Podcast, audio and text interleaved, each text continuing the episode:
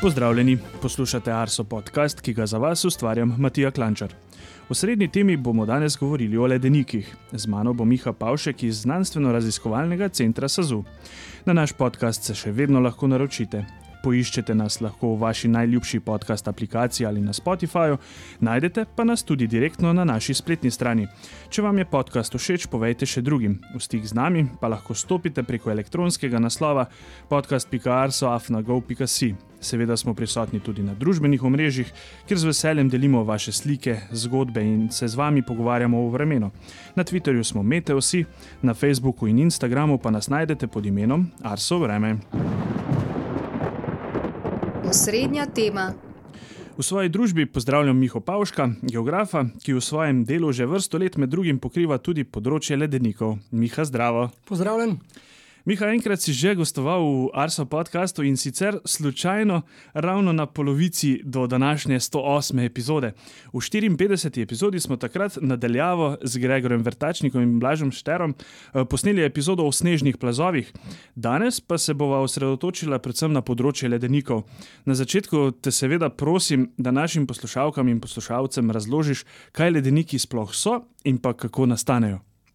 Ja, eh, če se navežem na prejšnjo temo, snežne plazove. Ne, snežni plazovi so tudi eni od tistih, ki hranijo ledenike. Sicer so pa ledeniki, lahko bi rekli, posplošeno vodna telesa ali pa zalogovniki vode, seveda v zamrznjeni uh, obliki, v, okviru, v obliki ledeniškega ledu in kot taki uh, del vodnega kroga, in pa seveda zelo pomembni ne samo za vodno, ampak tudi za energetsko bilanco, saj gre za svetlejša telesa, ki odbijajo sončno svetlobo in s tem na nek način uh, hladijo atmosfero, saj je tam hladneje kot nad uh, temnejšimi uh, telesi.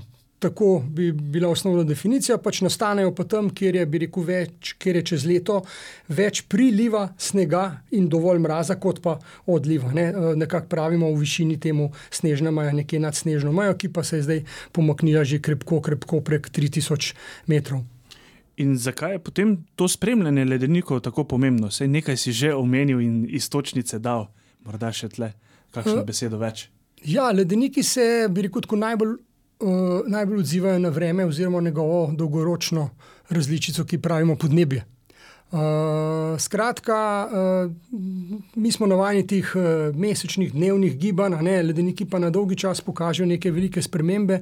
In uh, v zadnjem času, ko govorimo o posledicah podnebnih sprememb, so eni od, uh, bi rekel, uh, redkih neposrednih kazalcev, skratka, da vidimo pred našimi očmi, eh, rekel, z vlastnim opažanjem, uh, z vlastnimi čutili, kaj se z njimi dogaja. Morda so. No, res je, da tudi druge posledice podnebnih sprememb, če dalje bolj prihajajo na plano, ampak te so, seveda, bi rekel, najbolj vidne, opazne in čutne in, in slišne. Ne, na zadnje, če se ledenik tali, se ga zelo, zelo sliši, uh mhm. -huh. ko se tali. Um, Rekel si, v bistvu si že lepo tudi uh, napeljal na naslednje vprašanje, uh, kako, kako se podnebne spremembe odražajo na samih ledenikih. Je to vse o tem, kako se krčijo, ali je še morda kakšna druga lastnost podnebnih sprememb, ki se potem odraža na ledenikih? Ja, Prvič, ko so, ko, ker se močneje talijo, pač to vemo splošno, že zadnje desetletja se uh, krajšajo, uh, tanjšajo, uh, krčijo, kakorkoli že temu rečemo. Ne. Zaradi tega se tudi občasno hitreje premikajo, uh, bolj so razdrobljeni, če dalje težji prehodni. Uh, ne na zadnje, tudi eh, površje tam, kjer je nekdaj bil ledenik, je zelo zoprno za prečkanje, ne, ker je pravzaprav vse nekako naloženo, ker je bilo prej tiste ledene mase pritiskale ob, ob dno, se pravi ob uh, dno doline ali ob poboče, ne, zdaj se je pa to sprostilo. In uh, seveda, tako je, če, če govorimo recimo kot kamninsko gradivo, ne, tako gradivo je zelo izpostavljeno potem padavinam ne, v obliki dežja in skratka imamo lahko veliko večji dotok uh, tega materijala uh, preko recimo drubirskih tokov ali pa kakšnih celo celo po, pač pobočnih procesov. Skratka, ledenik tudi nekako utrjuje, ne, dokler je, dokler obstaja, utrjuje tisto uh, površje. Uh, je pa seveda, uh, um, pred časom sem bil v Švici ne, in tam se malo šalijo, da imajo če dalje več ledenikov. Ja, jih imajo, zato ker se ledeniki lomijo na manjše ploskve. Ne, tako da, če bi jih štel posamezne bloke, jih je dejansko več, ampak seveda skupna površina se pa zelo manjša. Če, uh, ravno ko smo pri švicarskih ledenikih, ne, v zadnjih dveh letih, v zadnjih samo dveh letih, so švicarski ledeniki izgubili izgubili 10 odstotkov prostornine. Prostornina, izguba prostornine je še bolj zanesljiv kazalec, manj, manj niha, ne manj koleba, kot pa, kot pa površina. Ne. In uh, verjetno so dosti podobne razmere tudi drugot po Evropi in v Alpah. Uh, ja, uh, spomnim se, pred leti so celo nekaj časa malce narasli ledeniki v, v španskih Pirenejih, pa posamezni na Norveškem, zdaj bi rekel, v zadnjih petih, desetih letih se pa vsi uh, se nadaljuje ta trend krčanja, opadanja, tanjšanja. Uh, Pričemer uh, moramo vedeti, ne, da so um, recimo, temperaturni dvigi v Alpah približno še enkrat višji kot pa v drugih gorstih po svetu. Mhm. In morda zdaj ravno se približuje ta smočarska sezona. Um, in sploh v zadnjem času, v zadnjih nekaj tednih, smo videli uh, tudi posnetke ali pa slišali, prebrali, uh, kako v bistvu se tudi. Um, konc koncev, Mednarodna smočarska zveza obnaša s temi ledeniki, uh, niso najboljše razmere ne, za uh, konec koncev za uh, takšne uh, svetovne pokale v tem času. Ja, zdi se, kot bi odgovorni tiščali glavo v pesek. E, če vidimo, da v predsezoni ni nekih razmer, tudi više gor na ledenikih, pač moramo temu prirediti koledar smočarskih tekmovanj. Uh, videli smo, da je letos bilo tega dovolj. Uh, blizu Matrhorna, ne, kjer je tudi znano smočišče, ne, so, so šli aktivisti in tudi iz mnogih držav, ne samo iz Švice in bližnjih držav, uh, so šli po konci in so prli temu. Ne, vendarle, ko človek vidi, kako rovo kopač jemlje iz, le, iz ledenika sneg in ga vozi na bližnje smočišče, zato da bo potem tam nekaj, bi rekel, tistih, ki si to lahko privoščijo, smučalo, je seveda vse skupaj uh, uh, malce abotno. Ne. Po drugi strani sem pa ravno v Švici videl poskus, ko so brez, nekako brez dodatne energije uh, uh, s tem, kako najbolje zaščiti sneg, najbolje zaščitijo ledenike sneg. Uh -huh. In ugotovili so, da se da delati tudi sneg, seveda, če imamo više, dost hladne vode, da se da delati tudi, bi rekel, energetsko neutralno. Ne, ne, neke vrste obratno od toplotne črpalke, ne, v, seveda, v hladnejši polovici leta. No, in so ugotovili, uh, prvo en projekt so že imeli, oziroma še poteka na to temo, no, so ugotovili, da če nekje 12 do 13 metrov snega, uh, to se govorim za švicarske Alpe, na višini okrog recimo 3000 metrov, malce niže, ne, uh, da če toliko snega dodatnega. Uh, tja gor pripeljejo, ne, da pač uh, ohranijo ledenik pod njimi. Je pa treba vedeti, da če je že ta zadeva energetsko neutralna, ne so pa sve drage naprave, s katerimi to uh, proizvajajo, uh, oziroma s katerimi delajo ta umetni sneg. Uh, morda si še najlažje predstavljamo, z, podobne so namakalnim sistemom. Samo da tukaj ni pri strani kolesa, ampak je nad ledenikom, nad nekim delom ledu, ledenika je napeta na žici pač cel in potem pač. Uh, poteka umetnostno živanje, kadar so razmere potrebne. Ampak po drugi strani pa tudi vidimo, ne, kako debela snežna vdaja mora biti ne, v Alpah, če hočemo samo snežno vdajo uh, zaščititi, ne skratka preko 10 metrov. Ne. Ja, zelo zanimivo. Uh, če se predstavijo sedaj na področje Slovenije, kako je pri nas, kakšno je trenutno stanje? Uh, imamo več kot dva ledenika, Ali uh, kako bi pomanjševalnica od ledenika sploh uh, skovala? Ja, mi, pri nas ni več pravih ledenikov, že par desetletij, ker, ker nimamo več upravka z, z razpokami in se tudi te ledene gmote ne premikajo. Bolj govorimo o ostankih nekdaj pravih ledenikov v ledeniških zaplatah. Ja, in letos so nas pravzaprav razmere kar presenetile, čeprav po drugi strani pa če zdaj le spremljamo oktobra se končuje talilna sezona. Uh, nekako še nekaj tednov nazaj kazalo, da vendarle ne bo najtoplejša, ampak uh, je tudi ta zaključek oktobra.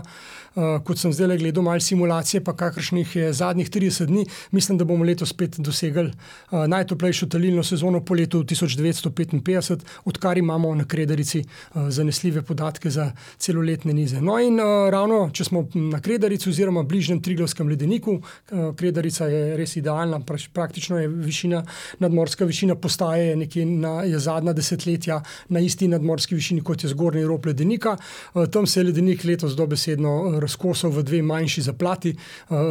Eh, če smo malo športni, prej smo omenjali vedno nogometno zelenico ali pa nogometno igrišče, zdaj bi pa lahko rekli, da je šel v dve odbojkarski igrišči, pa ne enako veliki, morda eno za, za tisto na, na Milki, drugo pa za dvoransko igrišče.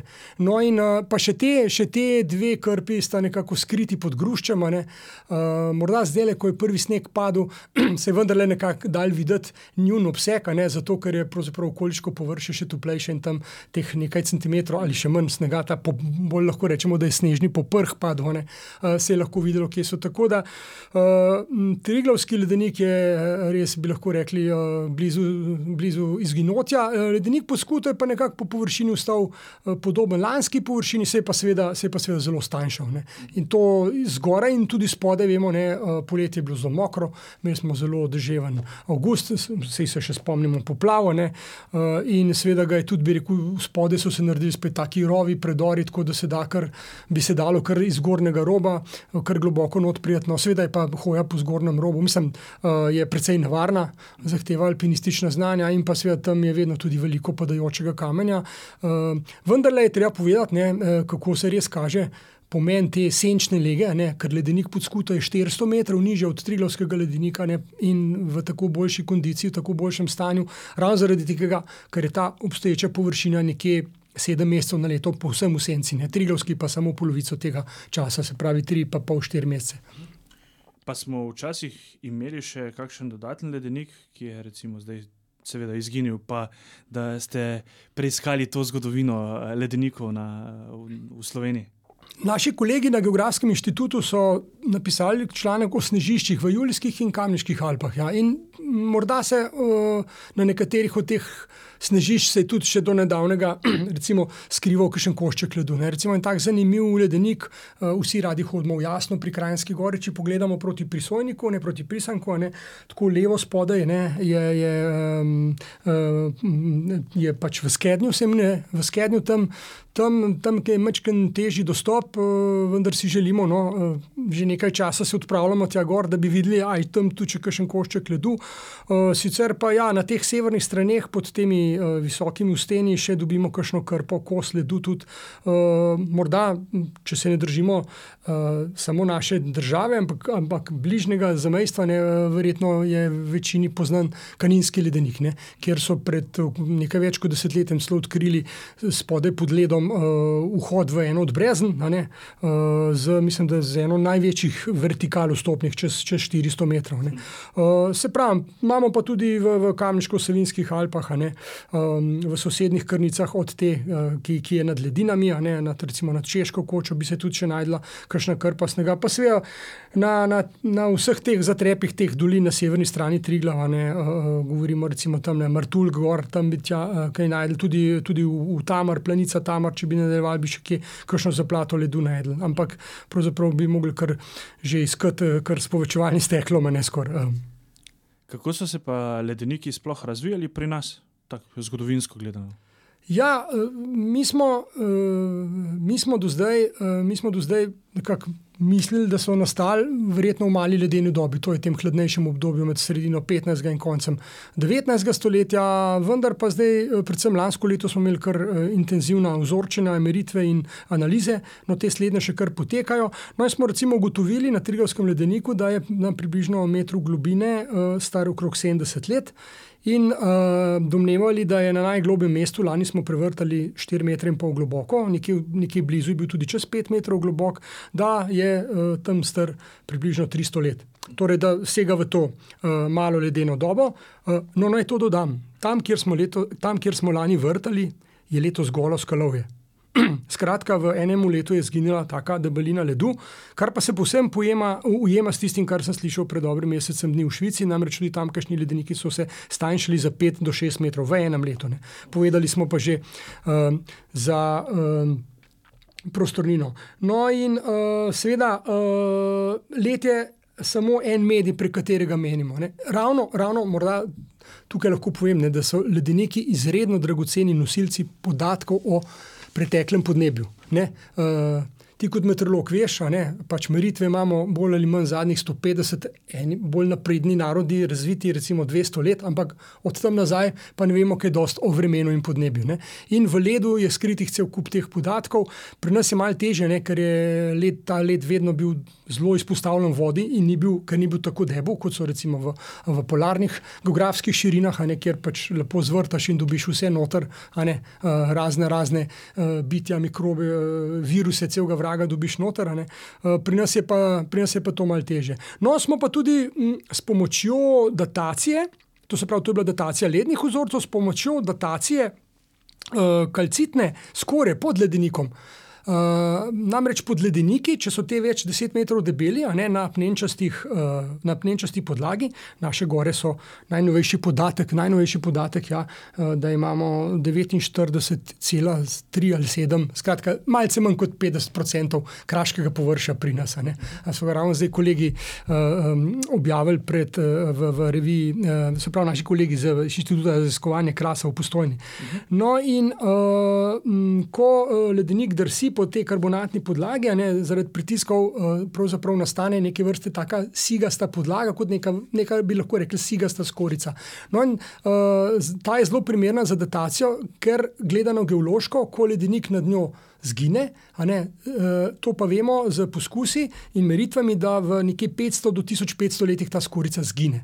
No, in mi smo kar nekaj teh vzorcev že datirali in ugotovili, uh, da je na tem prostoru, kjer je danes Triglavski ledenik, zagotovo bil ledenik nekje od 13 do 23 tisoč let nazaj. to pomeni, to pomeni ne, pač ob koncu pleistocenske ledene dobe. ne, uh, in Domnevati je, da morebiti je pa vse od takrat pa do danes na tem mestu ustrajal. To je pa pravzaprav še tudi izziv uh, mojih sodelavcev, kolegov. Uh, Pač meritve, raziskave so vedno bolj kompleksne, tudi te analize lansko leto smo delali z pomočjo kolegov iz uh, Atomskega jedrskega inštituta v Debrecenu, pa mislim, nekaj tudi preko Luže smo sodelovali, uh, celo z Avstralci. Um, skratka, um, in, in pa seveda tudi, tudi z kolegi iz uh, inštituta Jožef Štefan. In uh, kako dolg niz podatkov, zdaj omenil si več različnih uh, stvari, katerih se lahko v bistvu um, iz samih ledenikov znajo preučevati, ampak dotično gledano samo za Trigalovski ledenik, recimo, ki ga spremljate že od. Praktično od nekdaj, no. v, v v vsej svoji karieri si praktično nekako povezan z njim, Eh, kako dolg niz meritve pa imate za Triglavski le- ledenik. Zdaj, v bistvu, meritve, na Triglav- meritve in, in dokumentiranje Triglavskega ledenika je bila ena prvih uradnih nalog. eh, Leta 1946, 1946 ustanovljenega uh, Geografskega inštituta Antona Melika ZRC SAZU. In eh, kasneje, dve leti kasneje, so začeli s tem tudi uradno pod skuto, drugače tudi tam že prej. In pravzaprav, če gledamo, če gledamo na tak način, gre, gre za najdaljši stalno potekajoči raziskovalni projekt uh, v Sloveniji. Uh, Sveda, geografi smo ga sprva opazovali čisto enostavno z nekimi oznakami, z razdaljami od teh oznak, potem pa, ko se je površina pa tako skrčila, smo ga pa pravzaprav začeli meriti kot neko geodetsko parcelo, a ne v zadnjem času tudi pač, uh, se pravi letalsko, z zračnimi posnetki, uh, zdaj seveda brez brezpilotnih letalnikov ne gre, potem z tako imenovanimi GPS napravami oziroma ta uh, GNSS izmera. a ne. Uh, ja, če smo nekdaj, bi rekel, to tudi v nekem obdobju precej sodelovali z geodeti, ne, pa pravzaprav v zadnjem času lahko sami to upravimo, te osnovne meritve in dokumentacije. Ne. In recimo morda taka zanimivost, da se vedno tudi recimo Triglavski ledenik na koncu gre posnet iz bližnjega begunskega vrha. Ne, uh, Ja, letos, ko sem, jaz, ko sem šel tja narediti posnetek, bi sem imel že premehen eh, teleobjektiv, ne bi mogel že malo večjega meta. ne. Uh, pa tudi zdaj, ko sem ene fotografije pošiljal, sem puščice naredil, ne v smislu tukaj je ledenik, ne, ker, ker ga je ta gruš, ki ga po drugi strani tudi ščiti, ne, uh, bi rekel, zaščitil. Uh, pa še malo mogoče osebne zgodovine, ne, sam sem pa čist nevedoč, ne, da bom se s tem ukvarjal, sem kot študent geografije delal seminarsko nalogo o naravnih nesrečah v tamkajšnjih dolinah in sem šel na koncu na ravno ta isti begunski vrh eh, kartirati. Ne, takrat smo še na roko to delali, pa z barvicami, in okoliške doline. Ne, in seveda sem se obrnil tudi proti Triglavu in videl ta ledenik in slikal, tako da imam prvo svojo fotografijo črno-belo na Orvo filmu iz leta 1987. Drugač službeno sem bil pa prvič gor leta 1994 na Triglavskem ledeniku in ledeniku pod skuto. Uh, kaj pa vse merite, drugače, tudi si že malo omenil, ampak da, da, vem, da ne vem. Ja, uh, se pravi, na ledeniku pod skuto uh, vedno pač uh, objekt rob ledenika, ne, po obodu ledenika hodimo z prizmo, ne, geodet ima spodaj uh, teodolit oziroma tahimeter in potem odmerja to, kot bi, rekel, kot bi merili parcelo za zgradno hišo ali pa kakšnega objekta v dolini. Ne. To je recimo taka geodetska zmera, s tem smo začeli v sredini uh, 90-ih let. Uh, potem občasno imamo pa tudi meritve debeline, ne, oziroma prereza, ki nam seveda omogoča tudi izračun prostornine. No, in to smo na Triglavskem ledeniku recimo delali leta 2013. Uh, potem smo pred leti delali na skuti, pa je bilo preveč, preveč grušča na površini, se nekako ni posrečilo. No, lansko leto smo pa v okviru tistih obsežnejših raziskav, uh, morda se poslušalci in gledalci še spomnijo ne, tiste akcije, ko je košček ledenika odpotoval na Olimpijado v, v Peking.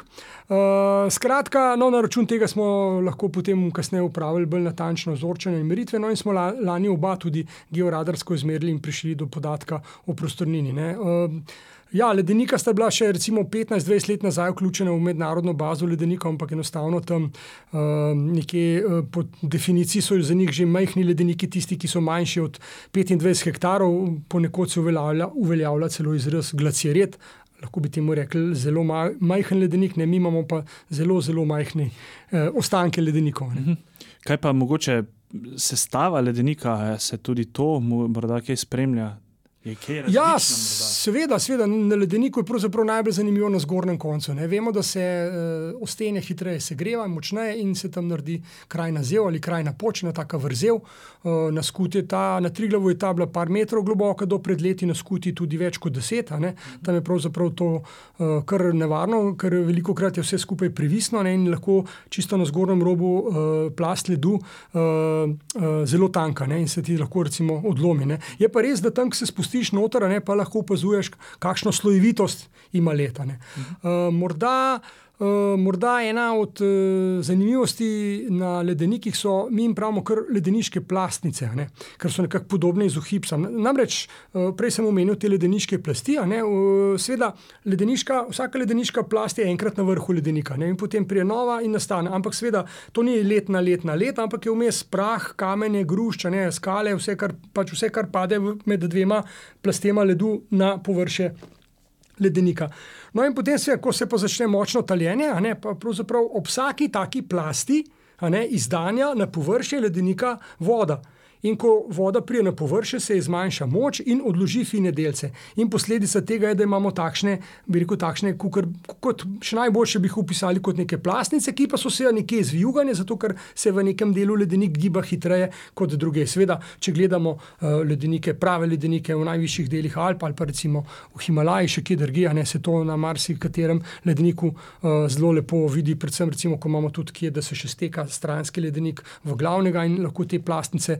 Eh, eh, zelo lahko opazujemo. Ne, uh, ko sem pomenil ravno te vzorce, ne, recimo lansko leto, ne, smo zvrtali približno meter globoko in seveda potem je bila plast tega grušča. In seveda ti ročni, pa kakršni koli svedri, čez kamne ne grejo, če so narejeni za leta, ne pač ne grejo za kamne in seveda.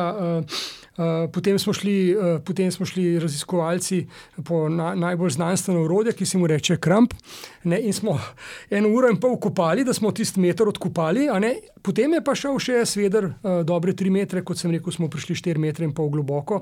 Tako da, ja, uh, včasih si pomagamo na različne načine, in je pa vse tako delo zanimivo. Uh, pa vendar, le, če se ukvarja z ledeniki, ne more biti vse kabinetno, pa z miško, pa na ekranu. Ne, tam se potem rezultati um, bi rekel, se tam pač rezultati obdelujejo ne, in, in, in, in ugotavljajo. Ja, zagotovo uh, to terensko delo pripomore uh, k temu popestritvi. Drugače, ja, to nam, eh, rekel, to nam še manjka. Se, kot sem rekel, tudi so biologi so pred leti že celo viruse ugotavljali na to ledu. Uh -huh. uh, vemo, da se da tudi prisotnost eh, pač atmosfere analizirati. Ne?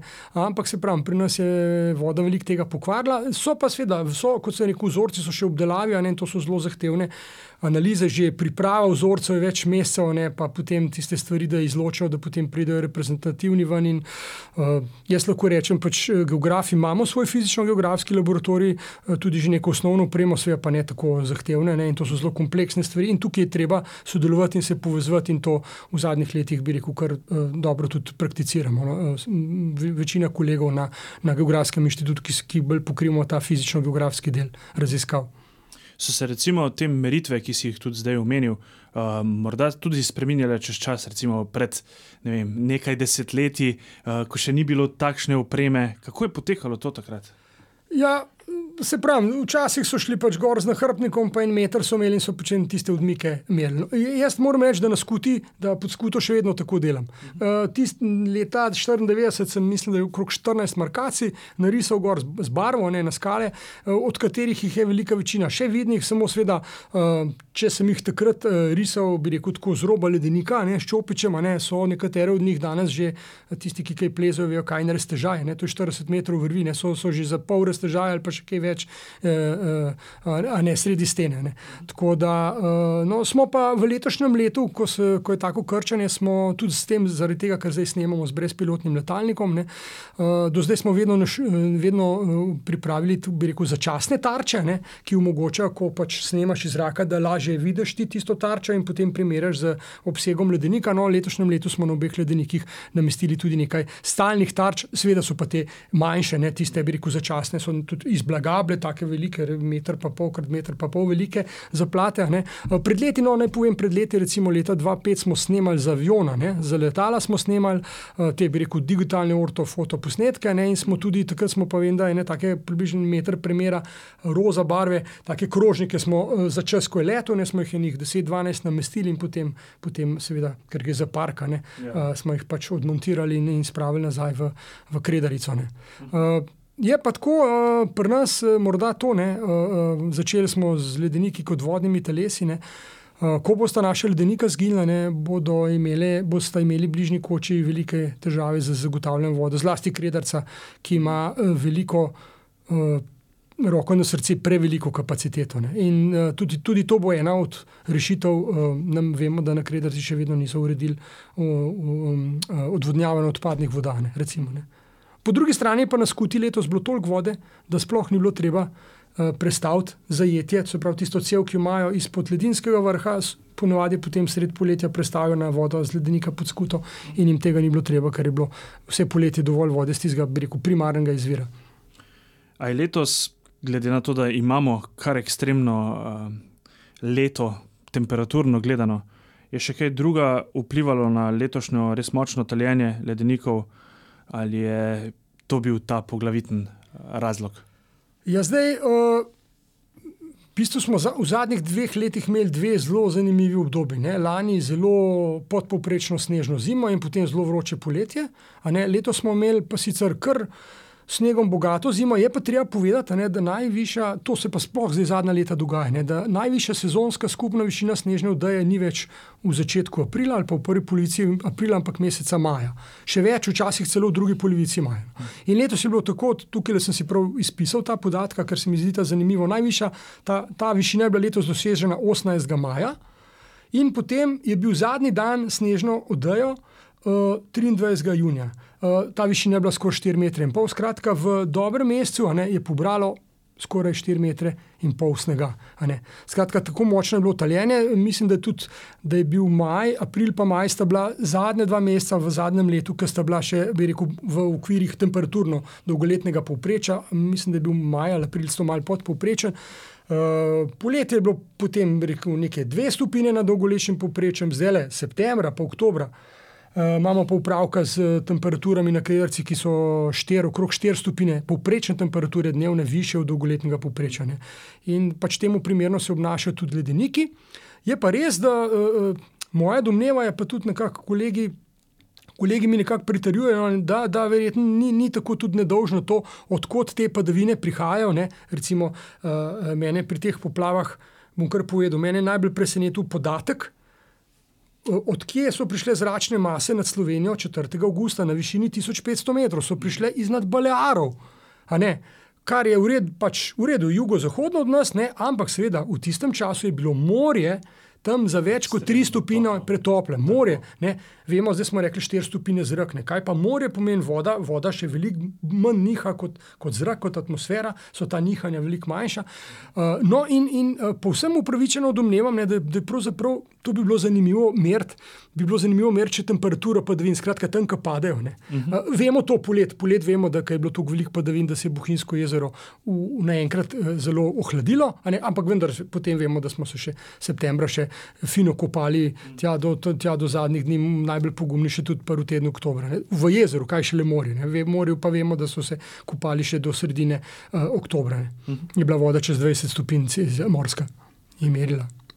Uh, ja, res je. Vmes sem še malo se spomnil tudi naših objav, tisti, ki nas spremljate tudi na družbenih omrežjih. Uh, se lahko spomnite teh podatkov, ki jih je Miha danes navedel o uh, taljenju snežne vode na Krederici in pa uh, teh uh, znanih posnetkov iz vremenske kamere, ki jih v bistvu po vsaki sezoni uh, tudi radi objavimo na družbenih omrežjih. In ja, res uh, zanimivo leto je za nami, no? če lahko uh, omiliva uh, s temi besedami.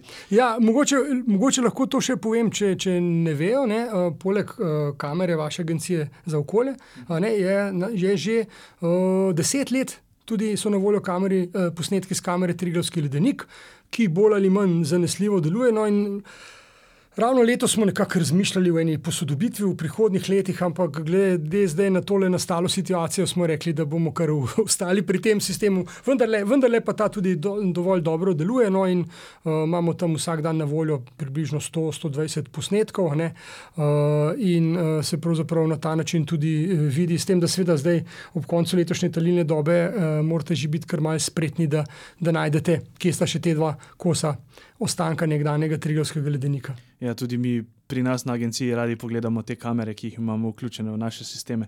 Um, zdaj pa, malo smo že prej vmes uh, si navrgli uh, nekaj um, povezav z tujino, da tudi ostali raziskovalci iz tujine pomagajo oziroma pregledujejo tudi naše ledenike. Morda uh, kakšno besedo več o tem, kako je veliko projektov poteka, morda so kakšne še na vidiku. Eh, zdaj, trenutno, kolega je kot zanimivo, je še dobil projekt, da se bo lahko ukvarjal tudi z ledom v jamah, se pravi v jamah više gor, to se pravi tudi v Breznih. Vemo, pod Krederico je Ivačičeva, Ivačičeva, Ivačičeva jama, pa znano je Triglavsko brezno, ki pravzaprav ne bi nastalo, če ne bi tam tisočletja in verjetno še kaj dlje odtekal na enem mestu precejšna količina vode z talečega se uh, Triglavskega ledenika. Drugač, uh, prav, pravzaprav prav uh, uradnega projekta. Uh, Pač imamo, no, imamo nekaj teh projektov. Ne. Umenil sem, da recimo kolegi iz inštituta Jožef Stefan uh, pomagajo za, za, za, izotopsko, za analizo izotopske sestave snega. Uh, pa umenil sem uh, kolega iz uh, inštituta za jedrske raziskave v, v Debrecenu, ne, da ne boste mislili, da so tam znane samo klobase. Skratka, imajo enega večjih inštitutov za to vrstne raziskave po svetu. No, in zanimivo je to, ko so lani prišli in nam pomagali z vrtani. Uh, namreč uh, mi imamo podoben vrtalnik za let kot oni, eh, samo eh, njihov je original. Uh, skratka, in so prišli in so nam pomagali pri vrtanjih. No, eden od teh dveh sodelavcev, ki je prišel, je celo doktoriral pri nas na Inštitutu za riskovanje krase. Sicer je pa makedonskega izvora, ne? ampak tudi odlično govori slovensko, ker je tukaj študiral, zdaj pa pač zdaj pa tam v Debrecenu živi in deluje v tem inštitutu. Skratka, to so pa. To so pa raziskave s pomočjo radioaktivnih elementov. Um, se pravi, uh, tukaj sem jaz malce slabše podkovan, bi, bi morda kaj več povedal kolega Matej Lipar, ne, ki je v tem bolj noter in je tudi imel predavanje uh, v okviru Slovenskega meteorološkega društva uh, pretekli mesec. Mhm. Res je. Posnetek tega predavanja si lahko poslušalci in poslušalke ogledate tudi na YouTube kanalu Slovenskega meteorološkega društva, tako da res je zanimivo predavanje. Uh, morda uh, v tem, ko smo se pripravljali na ta pogovor, sem tudi uh, postavil eno vprašanje, če imaš še kakšno zanimivost pripravljeno. Sedaj, drugače si jih veliko navrgal o samem uh, uh, o ledeniku, že do sedaj, morda tudi kakšna anekdota, ki se jo spomniš, povezano v, z ledenikom samim. Ja, za, za anekdote povezavi z. No, morda zanimivo, ne, vedno menjamo Triglavski ledenik. No, v, v, v lanskem letu ne, eh, smo eh, posneli tudi vdajo za eno od tujih televizij, ki je eh, posnela spomine našega znanega alpskega smočarja Bojna Križaja, ki je na snežiščih pod ledenikom pod Skuto v, 80, v začetku 80-ih let pač redno treniral z takratno reprezentanco. Ne. Tam je bila tudi ena taka začasna žičenca in enako so seveda počeli tudi na na Trilovskem ledeniku, na snežiščih pod Kredarico. Ne, in uh, tam je bil recimo svoje dni, še ko so bili skalaši, pa potem kasneje po drugi svetovni vojni je bil znan Trilovski turni smuk.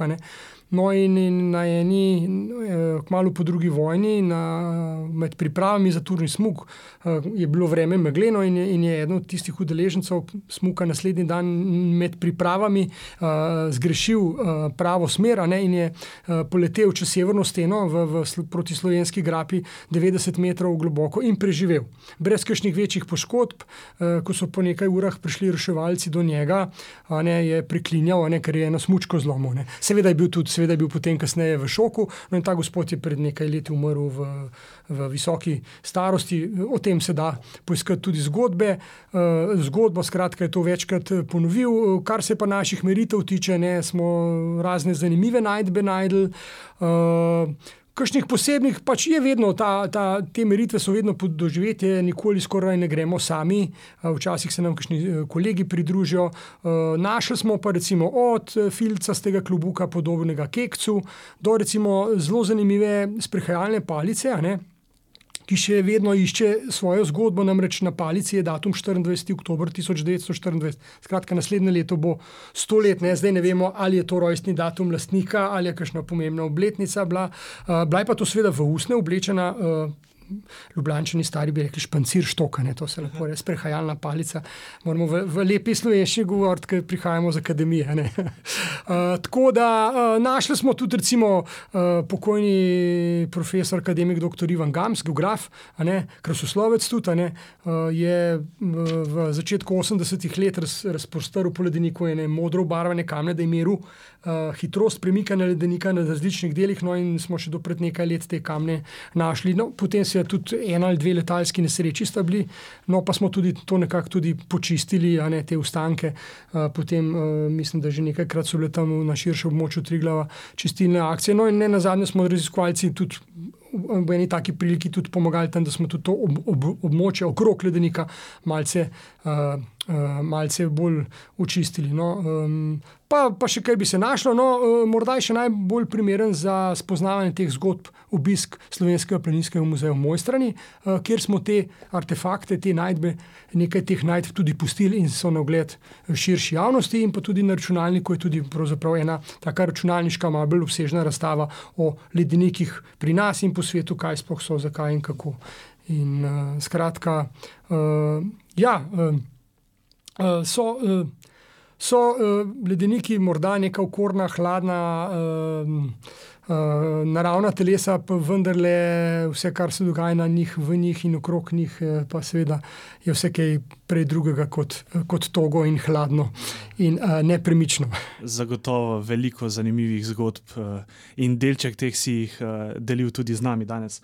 Morda deva še pogledati malce v prihodnost, kakšne so projekcije, kdaj um, naj bi ledenik izginil. Ja, za naše dva sem povedal. Ne, uh, Triglavskega, triglavskega si upam reči, da, da imam na eni roki dovolj prstov za leta, ne, uh, tistega podskuta, verjetno, da ne, bo malce dlje ustrajal. Uh, zdaj pa, sveda, če pogledamo pa bliže, ne, uh, imamo nekako tri te glavne scenarije, ne? ampak bolj ali manj skoraj po vsakem te, od teh scenarijev naj bi do konca tega stoletja izginila večina evropskih ledenikov, tudi, tudi, skoraj tudi tisti najvišji. In, in če pogledamo, da je v, v Švici v dveh letih, vemo, vemo da se taki dve leti ne. ne pač statistično, teoretično, teoretično se lahko ponovita, praktično pa ne. ne. Mhm. Ampak vendarle, če znamo malo sešteti, če je 10 odstotkov zginil v dveh letih, ne, pa vendarle uh, bojo verjetno, uh, če bo, tist, če bo temperatura še tako naprej rasla, uh, se bo to prav kmalo zgodilo. Ne. Uh, Zdaj lahko tudi povemo, da uh, ker smo samo še teden dni pred koncem zadnjega meseca talilne dobe, ko smo začeli preučevati naši kolege, ne, je bila redilna doba uh, eh, 8 mesecev, talilna pa 4, ne? zdaj pa že zadnja desetletja 6, 6, pol, pol. S tem, da je kakšno leto, imamo tudi 7 mesecev. Uh, uh, opredelimo je tako, da vzamemo srednjo mesečno temperaturo na kredarici. No, in kaže, da bo lanska je prevzela, ponovadi so bili taki prevzemi te vrednosti po kakšno desetinko, dve, recimo lansko leto je bila pa kar za uh, šest desetink više od prejšnjega rekorda, no in letos, letos, kot se kaže, uh, še teden, nekaj tednov nazaj sem menil, da bo tam drugo, tretje mesto, zdaj pa kar kaže, glede na to, da bo totale zaključek oktobra, kar so razmerno topu, uh, da bo letošnje, letošnja talilna sezona spet rekordna, ne, kot, kot se to ponavlja že zadnjih uh, eh, 20 let, se pravzaprav kar vsako leto. Uh, Tudi če pogledamo temperature talilnih sezon, ne, je na prvih 12 mestih po letu 55, ne, so vse leta po letu 2000. Ne. Ja. Tako da res je ta rast temperature evidentna ne, in, in uh, uh, uh, Gotovo, uh, gotovo je to tudi neka vrsta potrdilo, ne, da, da ljudje tukaj, uh, bi rekel, uh, nismo neumadeževani. Ne, bolj se zdi, da se. Bolj se zaleti, zdi, da se kar nekam zaletavamo, ne, in, in nekateri nočejo verjeti, da pravzaprav smo tudi mi tisti, ki z vsem tem, kar počnemo, temu planetu, kar počnemo vsak dan, kako se premikamo, gibamo, kako energetsko živimo, pravzaprav pripomoremo, ne na zadnje, tudi k temu, da imamo če dalje toplejši planet. Ne. Mhm. In zdaj še za zadnje vprašanje sem ne, nekako pripravil neko hipotetično, uh, hipotetičen scenarij. Uh, ali sploh obstaja možnost, da bi se morda kdaj ledeniki obnovili?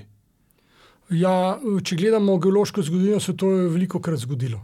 Tako da bi rekel, čist na tej uh, hipotetični ravni je seveda, je seveda tudi to možno. Uh, narava, seveda, narava, ne, narava, kot vemo, ne, uh, ne, energija, vsak se ustvarja, ne, ne izginja sem in tja, ampak se samo pretvarja iz ene oblike v drugo. Ne.